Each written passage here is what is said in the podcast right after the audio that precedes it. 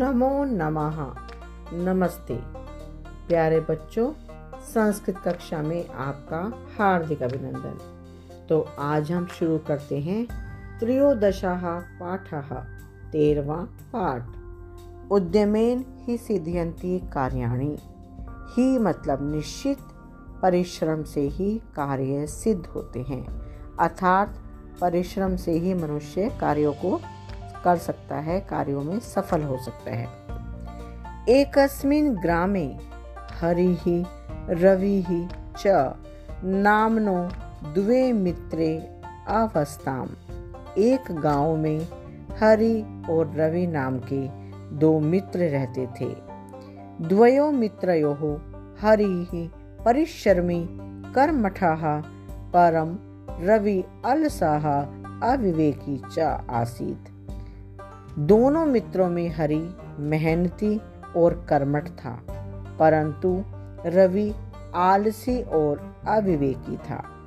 रवि कदापि किमपि कार्यम न करोत। रवि कभी भी कोई भी कार्य नहीं करता था। परम हरि परिश्रमेण निज परिवारम पालयति स्म, परंतु हरि मेहनत से अपने परिवार को पालता था। एकदा हरि ही गोधूमस्य शस्यम उत्पादितुम वांछती स्म। एक बार हरि ने गेहूँ की फ़सल, एक बार हरि गेहूँ की फ़सल उगाना चाहता था। सह रवे समीपम गत्वा अवदत। वह रवि के पास जाकर बोला, भूमित्र, कृषि कार्याय एषः उचित समय अस्ति। हे मित्र, कृषि कार्य के लिए यह उचित समय है। आगच निज क्षेत्रम करशाव आओ अपने खेत को जोतते हैं। रवि ही दुखी भूतवा अवदत। रवि दुखी होकर बोला, अरे, किम ना पश्यसी? अरे, क्या नहीं देखते हो? अहम ज्वरेन ग्रस्त अस्मि। मैं ज्वर से ग्रस्त हूँ, अर्थात बुखार से पीड़ित हूँ। कृपया मम क्षेत्रम अपिकर्ष, कृपया मेरा खेत भी जोत दो। हरि अजानात, यत रवि सत्यम ना वदती। हरि जान गया था कि रवि सच नहीं बोलता है। तथापि सह तस्य क्षेत्र अप्यकर्षत फिर भी उसने उसका खेत जोत दिया। अन्यस्मिन अहनि मार्गे रवि रविम दृष्ट्वा, हरिः तम अवदत, मित्र, मया सह चल।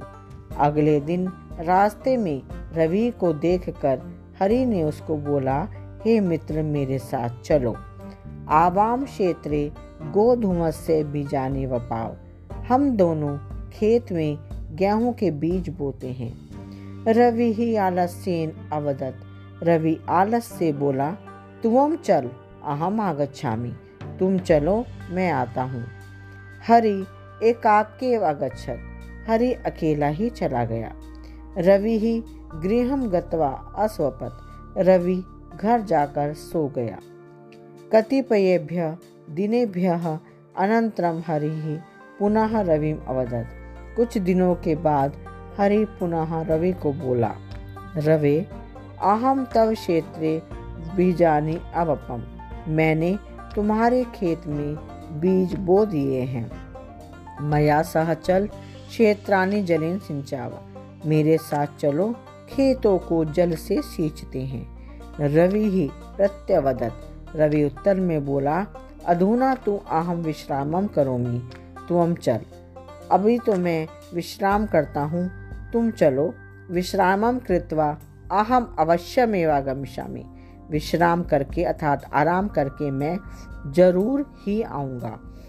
एवं हरि, तस्य क्षेत्रम जलिन असिंचत। इस प्रकार हरि ने उसके खेत को जल से सींच दिया। कालांतरम शस्यम करती तुम समय आगछत कुछ समय के बाद फ़सल को काटने का समय आ गया। उद्यमी हरि मित्र से समीपम गत्वा अवदत। परिश्रमी हरि मित्र के पास जाकर बोला, हे रवि हे रवि तुम म मित्रम तुम मेरे मित्र हो। इति अर्थम वदामी, इसलिए बोलता हूँ, माँ प्रमद, आलस मत करो। पक्वम शस्यम कर्तितुम समय एषः।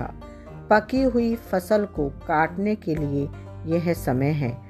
यदि अद्य त्वं क्षेत्रं न गच्छति, तर्हि श्वः वृष्टि तव शस्यम नाश, तव शस्यम नाशिष्यति। यदि तुम आज खेत नहीं जाते हो तो कल वर्षा से तुम्हारी फ़सल नष्ट हो जाएगी। अकर्मण्य रवि मूर्खा प्यासित आलसी रवि मूर्ख भी था। सह हरिना सह न गच्छत वह हरि के साथ नहीं गया। हरि ही स्वशस्यम कर्तित्व गृह आनयत, हरि अपनी फ़सल काट कर घर ले आया। सुरक्षित स्थाने च व्यवस्थापित और सुरक्षित स्थान पर रख दिया। अन्य दू अगले दिन आसारा वृष्टि अभवत। मूसलाधार बारिश हुई। रवे शस्यम वृष्टो प्रावाहत। रवि की फ़सल वर्षा में बह गई। अलसह रवि ही आत्मान मूषितम मतवा नष्टम शस्यम पश्यन शिरा धृत्वा तत्र एव अतिष्ठत। आलसी रवि अपने आप को कोस अपने आप को दोषी मानकर नष्ट हुई फ़सल को देखते हुए सिर पकड़कर वहाँ ही बैठ गया। सत्यमेव उक्तम। सत्य ही कहा गया है।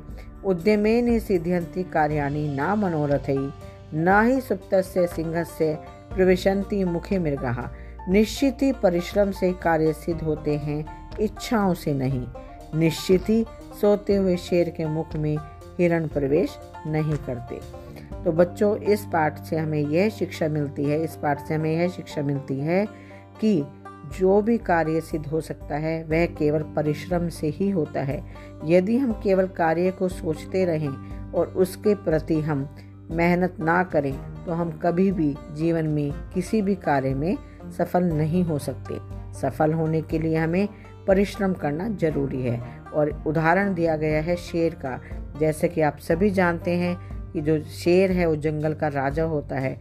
परंतु बिना मेहनत किए कोई भी पशु उसके मुख में, उसके भोजन के लिए नहीं आता है। अर्थात बलशाली शेर को भी अपना पेट भरने के लिए मेहनत करनी पड़ती है, खुद शिकार करना पड़ता है। तो आपने इस प्रकार देखा और आपको भी अब जीवन में खूब मेहनत करनी है, तभी आप अपने जीवन में सफल हो सकते हैं। धन्यवाद बच्चों।